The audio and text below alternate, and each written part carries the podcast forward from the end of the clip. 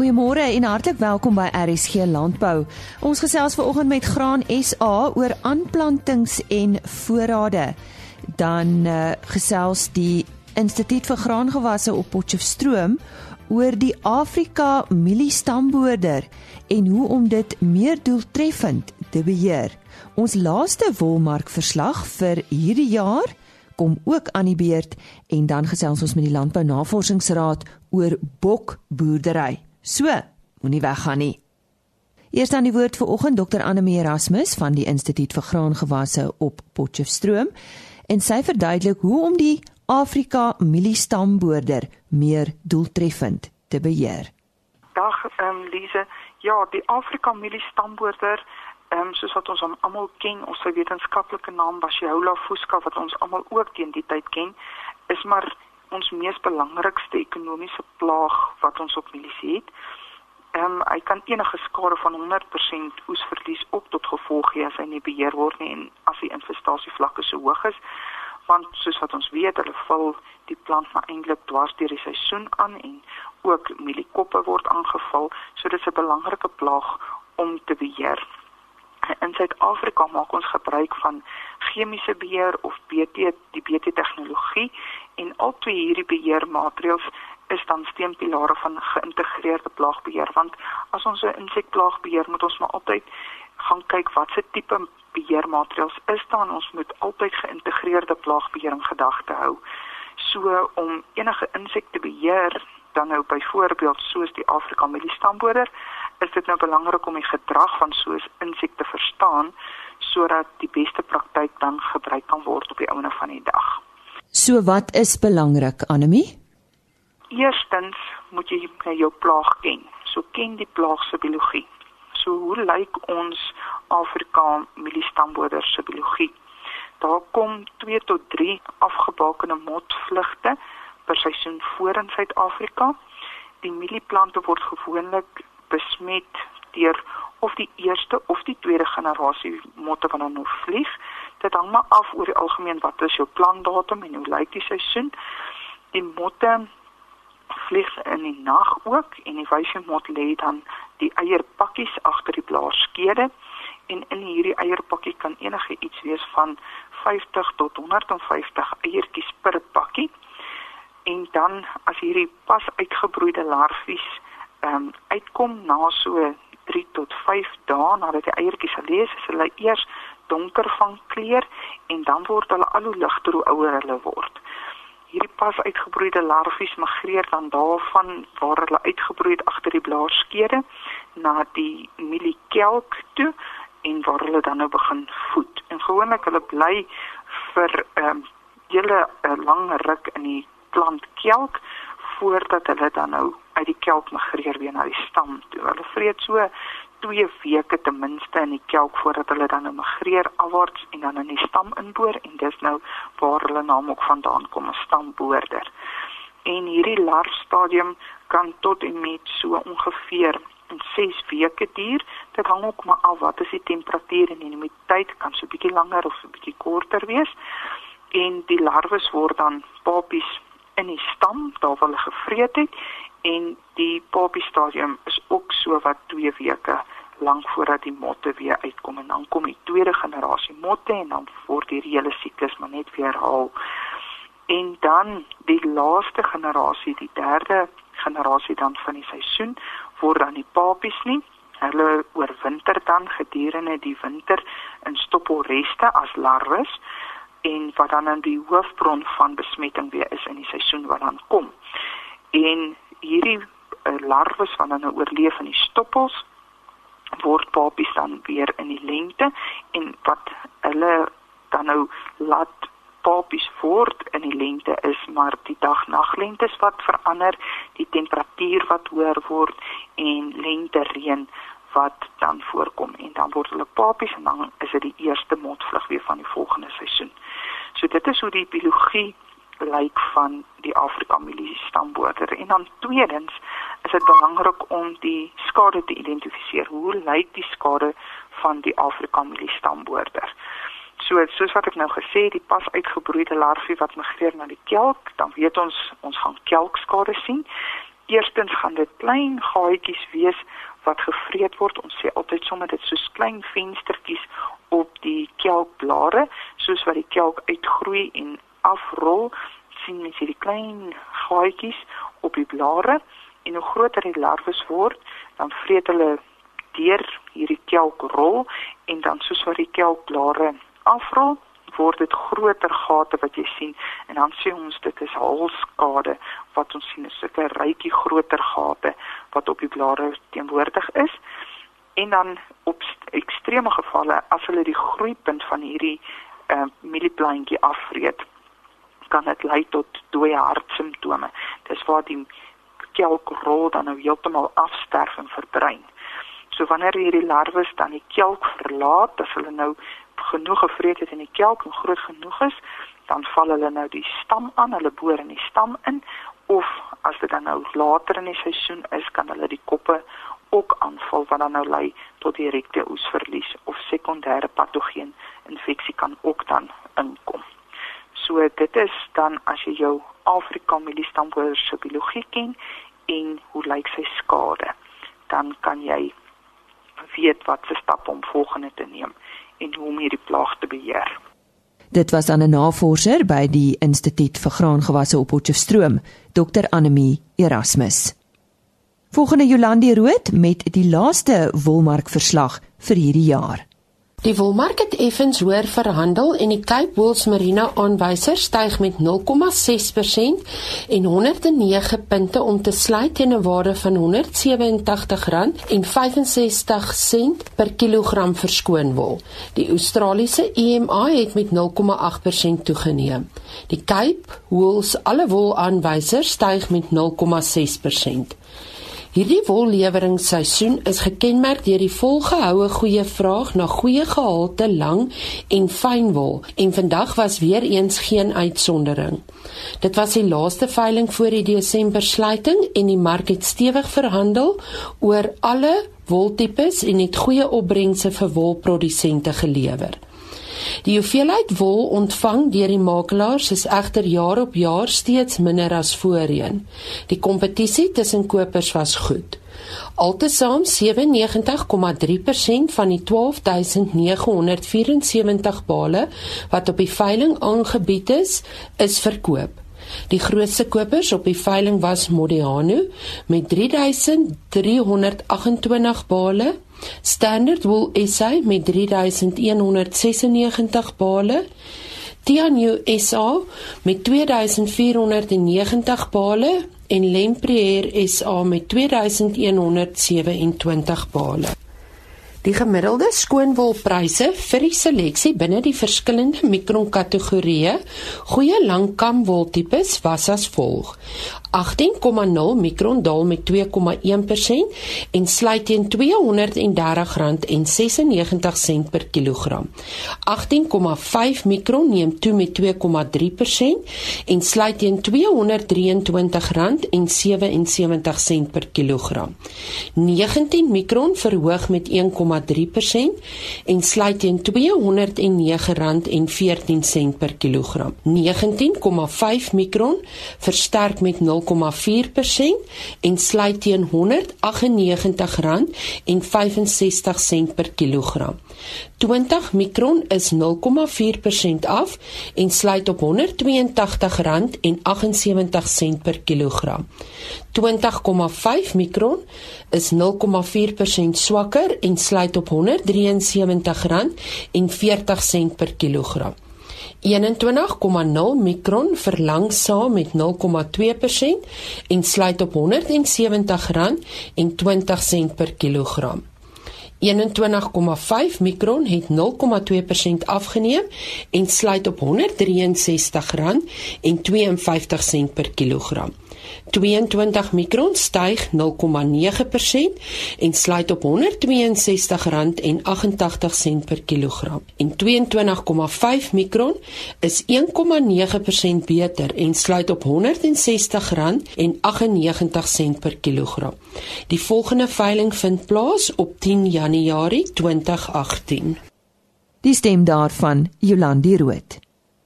Ons sluit nou aan by Henny Maas en hy en sy gas gesels oor bokboerdery. Sien ons praat met Leon Creer van die Landbou Navorsingsraad.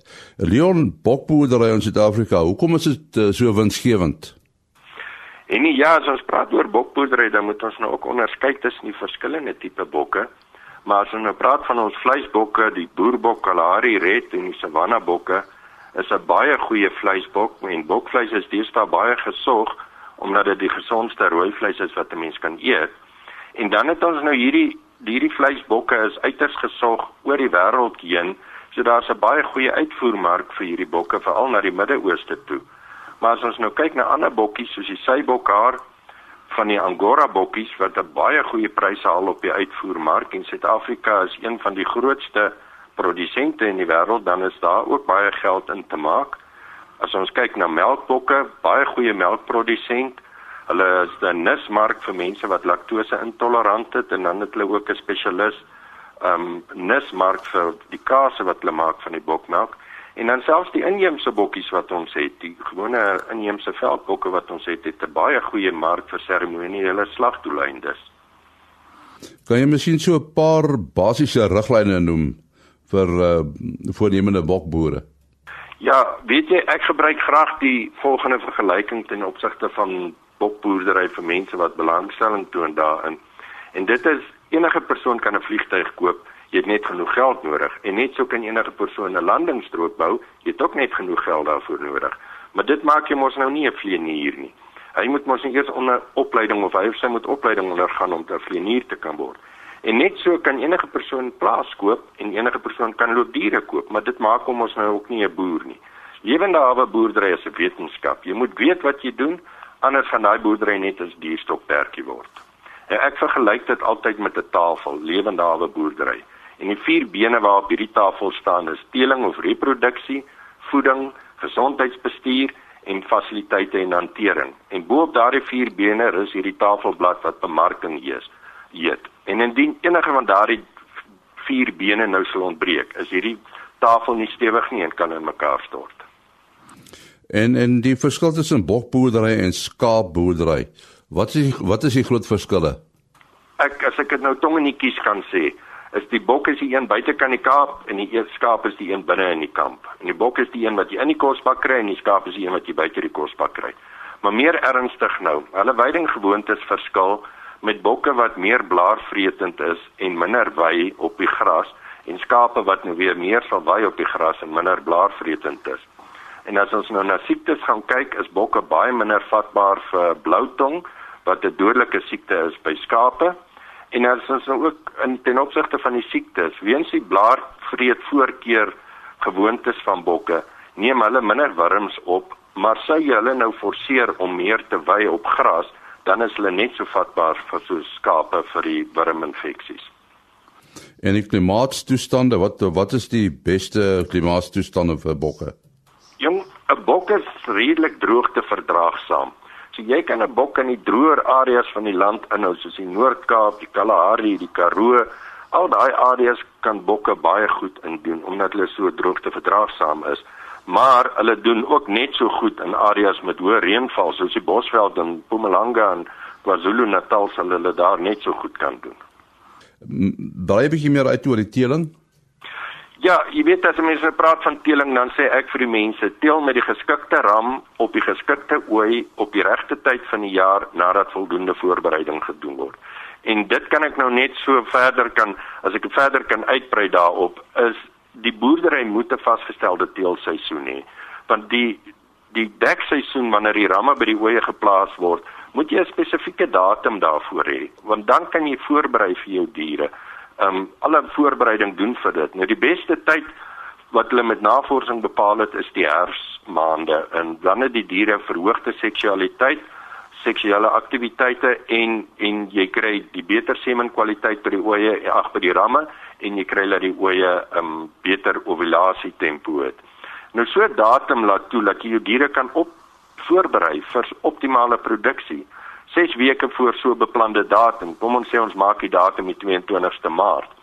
6 weke voor daardie datum, dan kan jy jou diere inbring en hulle ondersoek vir geskikte teeling. Jy kan die nodige immuniserings doen, jy kan vitamienaanvullings doen, jy doen kondisietellings op jou diere sodat jou diere 100% goeie kondisie is teen die teen die ehm um, dektyd. Prikkelvoeding word gegee hierdie 6 weke voor die voor die dekseisoen. Ons sê altyd 'n goeie lamseisoen begin 6 weke voor die dekseisoen. Want jy kan nou prikkelvoeding gee vir jou hierdie diere. Die prikkelvoeding stimuleer superovulering. Dit veroorsaak dat daar behoorlike plasenta ontwikkeling is. Dit verbeter die semenkwaliteit by die ramme. En die plasenta ontwikkeling is van uiterste belang. Dit speel 'n baie groot rol in die volhoubaarheid van dragtigheid. Dit lei tot goeie aanvaarbare geboortemassas van meer as 3 kg by die lammers en is ook direk gekoppel aan die ooi se melkproduksie. Dan sê ek altyd vir die mense die ouderdom van die ooitjies by eerste teeling is baie belangrik. En ek sê altyd mense ons almal sal saamstem dat 'n 13-jarige uh, dogter kan swanger raak, maar dit is mos nou glad nie gepas nie. En net so moet daar ook nie met tienerbokke geteel word nie. Want al wat reg is in hierdie bokkies is hulle hormone en en verder niks anders nie. Fisiologies en psigologies is hulle nog nie volwasse verdragtigheid nie. So teel met jou bokkies wanneer hulle so 1 jaar oud is en ten minste 40 kg weeg en dan kan jy behoorlike lammers van hulle kry.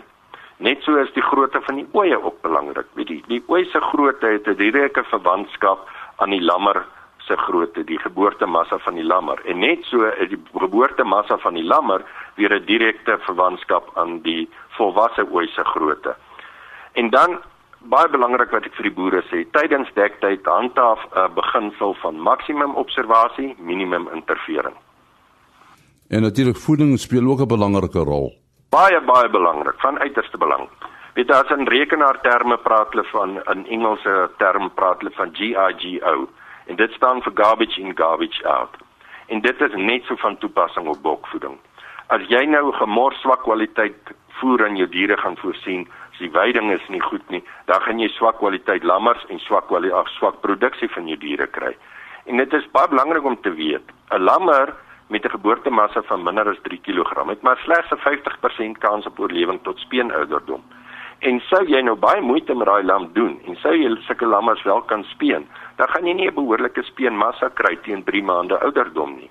So behoorlike voeding van uiterste belang. Prikkelvoeding 6 weke voor dektyd baie belangrik want dit soos ek gesê het stimuleer ovulasie en dit verbeter die semenkwaliteit van die ramme.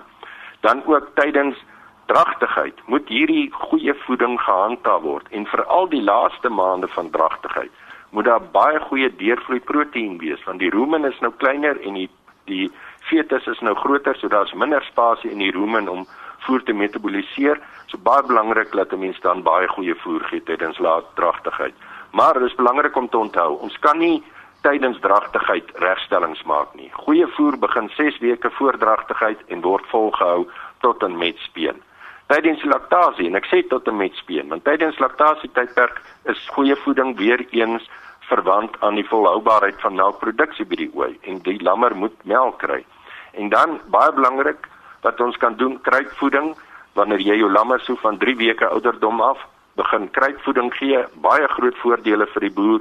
Lammer groei baie goed, hou vroeër op melk drink en dan teen 3 maande ouderdom dan sit jy met 'n lammer wat goed oor die 20 kg weeg. Gesondheidsbestuur is natuurlik ook baie belangrik.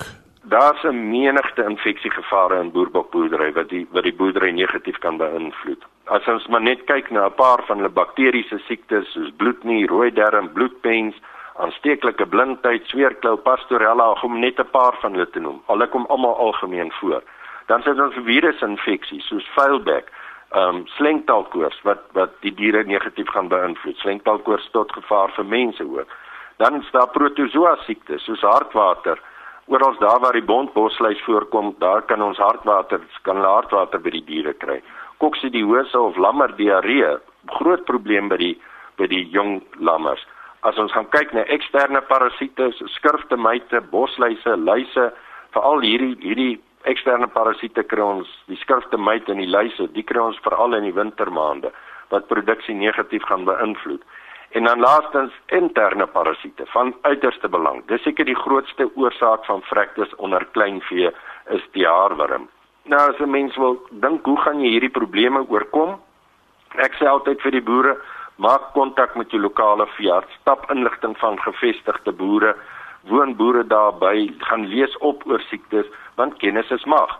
En dan baie belangrik, tree voorkomend op deur die bokke te immuniseer teen infeksiesiektes waar ons in uh enstowwe voor beskikbaar is. Behandel teen interne en eksterne parasiete wanneer dit voorkom. Moenie net behandel wanneer jy nie weet wat gaan aan nie. En hoe weet jy wat gaan aan? Doen famacha, doen miseiertellings om te bepaal wat is die voorkoms van interne parasiete by jou diere en dan kan jy produksieverliese en sterftes voorkom weens dit. En dan baie belangrik wat ek vir die boere sê, jou hantering is van uiterste belang. Jy moet diere hanteer met minimum stres, want stres gee aanleiding tot tipiese stresverwante siektes soos Pasteurella longontsteking wat ook 'n baie groot oorsaak van vrektes is en swak produksie is by bokke. En dan die fasiliteite is baie noodsaaklik. Watter fasiliteite sou jy sê is die belangrikste? Jong fasiliteite is baie belangrik. Ek sê vir die boere, jy jou kudde moet gesien word as 'n lewende bankrekening waar jy jy wil tog rente op jou belegging sien in so 'n rekening. En ons belê nie ons geld in in hierdie fly by night finansiële fasiliteite nie. En net so behoort die fasiliteite en hanteringsfasiliteite wat jy by jou diere gebruik van goeie kwaliteit te wees. Dit dit maak net die hantering van jou diere baie makliker met roetine take. Dit verminder stres tydens hantering. Dit voorsien skuilings teen onweer en voorsien skuilings teen ongediertes. So van uiterste belang 'n mens kan nie sonder behoorlike fasiliteite met bokke boer nie. Dit is aan Leon Kruger van die Landbou Navorsingsraad en Henny Maas het met hom gesels. Ek het onlangs by Graan Suid-Afrika gaan inloer en daar met Dr Dirk Strydom gesels. Hy is die bestuurder van graanekonomie en bemarking by Graan Suid-Afrika. Ons gesels met hom onder andere oor die vooruitsigte vir die nuwe seisoen, maar ons kyk ook so 'n bietjie terug oor uh, wat gebeur het. Nou Dirk, gee vir ons 'n terugblik oor die afgelope produksieseisoen en ek dink veral in die somerreënvalgebiede was dit 'n goeie seisoen nie waar nie. Dit is definitief so. Dit was 'n baie goeie seisoen geweest. Dit was 'n seisoen vol baie seëninge geweest. Aanvanklik het die die seisoen bietjie laat begin en het die winde gewaai en ons bekommerd gehad, maar toe kom die reën en toe kan almal plant en in die seisoen het die reën regtig net op die regte tyd gekom en en dit was regtig 'n goeie seisoen met rekordproduksie. So ons is baie geseënd om so baie tonne mate in die land te kan hê. Wat volgens julle is die faktore wat bygedra het tot daardie goeie opbrengs? Ek dink die die grootste bydraende faktor is dat die reën op die regte tye gekom het. So gewoonlik waar ons ons midsomer droogtes het, het die reën in daai tye op die regte bestywingstyd gekom al daai en dit het dit het regtig bydra gehelp tot dat ons goeie produksie het. Die omdat die seisoen so laat was, was die groot bekommernis ryp geweest, maar die ryp het ook bietjie weggebly en dit het gehelp dat ons so goeie oes afgehaal het. Dis nie noodwendig goeie nuus nie. Wat het met die mielieprys gebeur? Ja, dit is dis nou die dis nou die die slegte gedeelte van 'n goeie produksie. Ek dink die vorige jaar wat ons uit die droogte uitgekom het, was ons op 'n invoerpariteitsvlak gewees wat pryse baie hoog was. En toe binne 2 maande het die prys gegaan van 'n invoerpariteitsbasis na 'n uitvoerpariteitsbasis toe. En dis die realiteit van 'n surplus wees. Die oomblik as ons surplus produseer, dan moet ons begin meeding met die buiteland en dan lê ons op uitvoerpariteit vlakke. So die pryse is nie altyd goed gunstig nie. Ehm um, ons is nog nie op uitvoerpariteitsvlakke nie, maar maar die pryse is laag en dis die realiteit van 'n hoë produksie. Nou die hoë produksie beteken ook meer voorraad. Wat gaan gebeur? Ja, ek dink die die groot uitdaging vir ons die seisoen was in terme van uitvoere gewees. Ons prys was soos ek genoem het nie heeltemal op uitvoerpariteitsvlakke gewees nie en dit het beteken dat ons nie heeltemal uitgevoer het wat ons verwag het ons gaan uitvoer nie weens die die prysmededingendheid in die wêreld.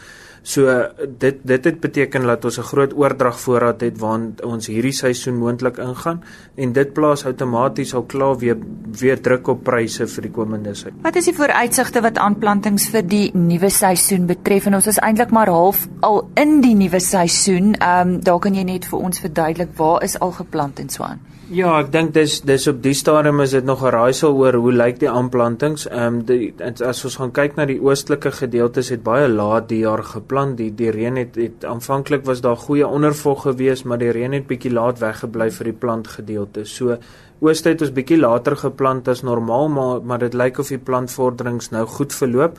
Dit gaan als afhang nou van die van die weer volgende vir die volgende 2, 3 weke van van vandag af um, om te gaan kyk wat gaan in die weste gebeur. So so dit is op die stadium is dit afhanklik van van reën. Ehm um, baie daar is van die produsente wat geaangedui het dat hulle dalk bietjie kan afskaal, maar dit is moeilik om om om die hektare net af te skaal. Ehm um, daar's vaste kostes wat moet betaal word, al daai tipe van goeder. So produsente moet nog steeds plant en as mens na die na die westelike watertafel ouens toe gaan, as hulle nie plant nie, waai hulle lande weg. So hulle moet 'n mate van 'n van iets daar neersit. Ehm um, en en dit is dis dis die moeilikheid. So plantgewys heidaglik afhangende van die reën. As dit as dit goed gaan reën, dan gaan die ouens plant en en dan dan kan ons van daar af kyk weer hoe gaan die opbrengste lyk. Maar op die stadium is dit grootliks afhangende van die van die van die weer en dan natuurlik die winsgewendheid van die gewasse gaan bepaal wat die ouens gaan plant ook. Dit lyk of die ouens dalk meer sojabone gaan plant die jaar en so bietjie meer na daai rigting toe gaan skuif en en volgens die voorneme van die oeskatting nie 'n drastiese daling in mielies nie, maar dit is als afhangende nog van weer. So die voornemings is daar, maar ons weet natuurlik ons is afhanklik van die natuur. Nou wel, ons kompeteer natuurlik met uh, ander lande ook. Hoe lyk internasionale aanplantings? Ja, kyk die die die grootslike gedeeltes is nou maar eh, as heidaglik in die suidelike halfrond is daai ouens besig om te plant en hulle aanplantings lyk redelik goed. Hulle vorder, hulle vord baie goed. Noord-Amerika is is nou besig. Hulle het nou al klaar gestroop, so hulle is relatief klaar daar. Ehm um, die aanplantingsvoornemings vir die volgende seisoen bly steeds positief. Ehm um, die ondersteuning wat die produsente kry maak dat hulle plant en hulle sit maar in dieselfde scenario van klomp vaste kostes so hulle gaan plant. Wêreldgewys het ons baie voorraad. Dis 'n gegewe um, vir vir die meerderheid van die gewasse eintlik vir al die gewasse het ons verskriklike hoë wêreldvoorrade. So so daar is daar dit is 'n realiteit. Die soos ek vroeër al genoem het in in in vorige onderhoude die die wêreld se eindvoorraad lê oor die 200 miljoen ton wat so 60% van Amerika se langtermynproduksie is. So daar's verskriklik baie voorraad in die wêreld. Natuurlik die die pyn daarmee is dit druk die internasionale pryse af en die internasionale pryse is gelykstaande waar dit 10 jaar terug was en dit beteken ons moet meeding met daai pryse want die oomblik as ons op uitvoerpariteitsvlak is raak ons direk mededingers met die internasionale mark en en dan dan dan begin dit ons winsgewendheid ook beïnvloed. Met watter lande ding ons mee? Wat is vir ons die grootste kompetisie net vir interessantheid?